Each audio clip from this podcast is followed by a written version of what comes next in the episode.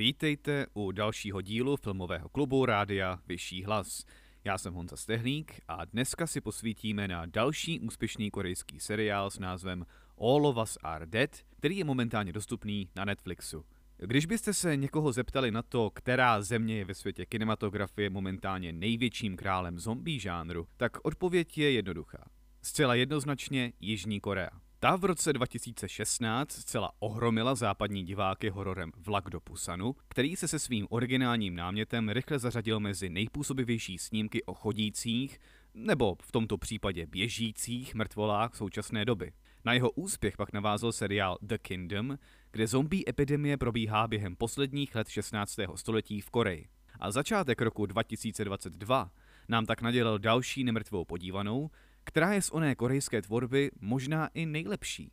Seriál s opravdu optimistickým názvem All of Us Are Dead od režiséra Lia J.Q. momentálně šplhá na topku nejsledovanějších serošů Netflixu. Hlavní děj celého seriálu se odehrává na střední škole ve městě Hyosan. Právě na ní totiž celá zombie epidemie propukne v plné síle. A rozhodně zde nečekejte žádné pomalé mrtvoláky, které lze vidět například ve filmech George Romera, případně v seriálu The Walking Dead. Tihle zombíci si pro vaše maso totiž doběhnou. Seriál tak sleduje osudy několika studentů, kteří se snaží nejen ze zamořené školy dostat, ale zároveň i najít bezpečí ve vnějším světě, do kterého se však zombí pomalu, ale jistě začínají rozšiřovat.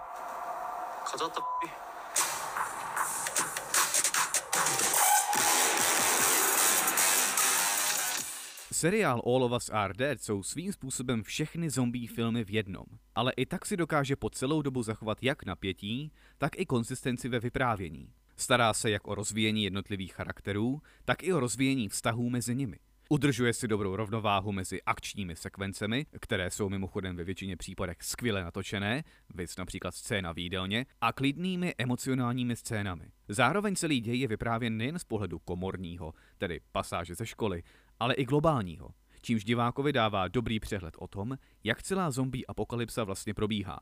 Navíc mi celkově přijde naprosto skvělý nápad ono školní zasazení. Tvůrci se tak můžou dosyta vyblbnout s nejrůznějšími nápady, plus samotné postavy tak lépe vyniknou. Seriál je to ale opravdu velice dlouhý, možná až přehnaně. První série má 12 epizod, přičemž některé díly mají stopáž kolem 70 minut, což může být pro některé opravdu velkou náloží.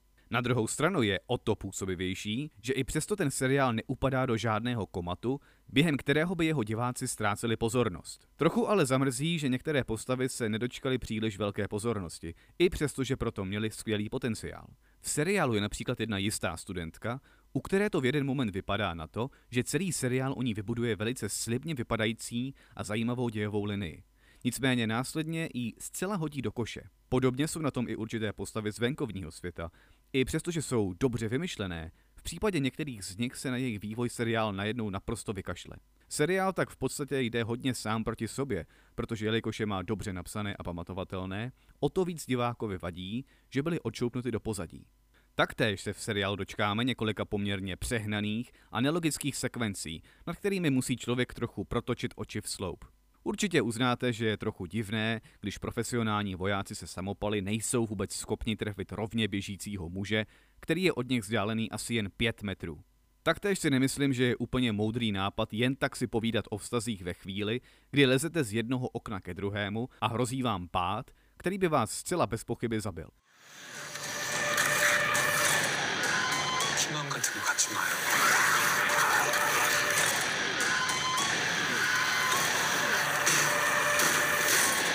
Tohle všechno jsem ale v seriálu schopný odpustit, protože ty základní věci dělá prostě na jedničku. Seriál se momentálně škrabe na přední příčky nejsledovanějších věcí na Netflixu a je to rozhodně zaslouženě. Takže pokud hledáte kvalitní a zábavnou zombie podívanou, kde se tvůrci dostatečně věnují jak rozvíjení jednotlivých charakterů, tak i nadupaným akčním sekvencím, jež jsou slastí pro oči, tak seriál All of Us Are Dead je přesně pro vás. Jo, a nejlepší postava je slečna předsedkyně. Ta jednoznačně vyhrává cenu za největší seriálovou drsňačku poslední doby. To by bylo pro dnešní díl všechno. Od mikrofonu se hlásí Honza Stehlík a vy i nadále nezapomeňte poslouchat rádio Vyšší hlas.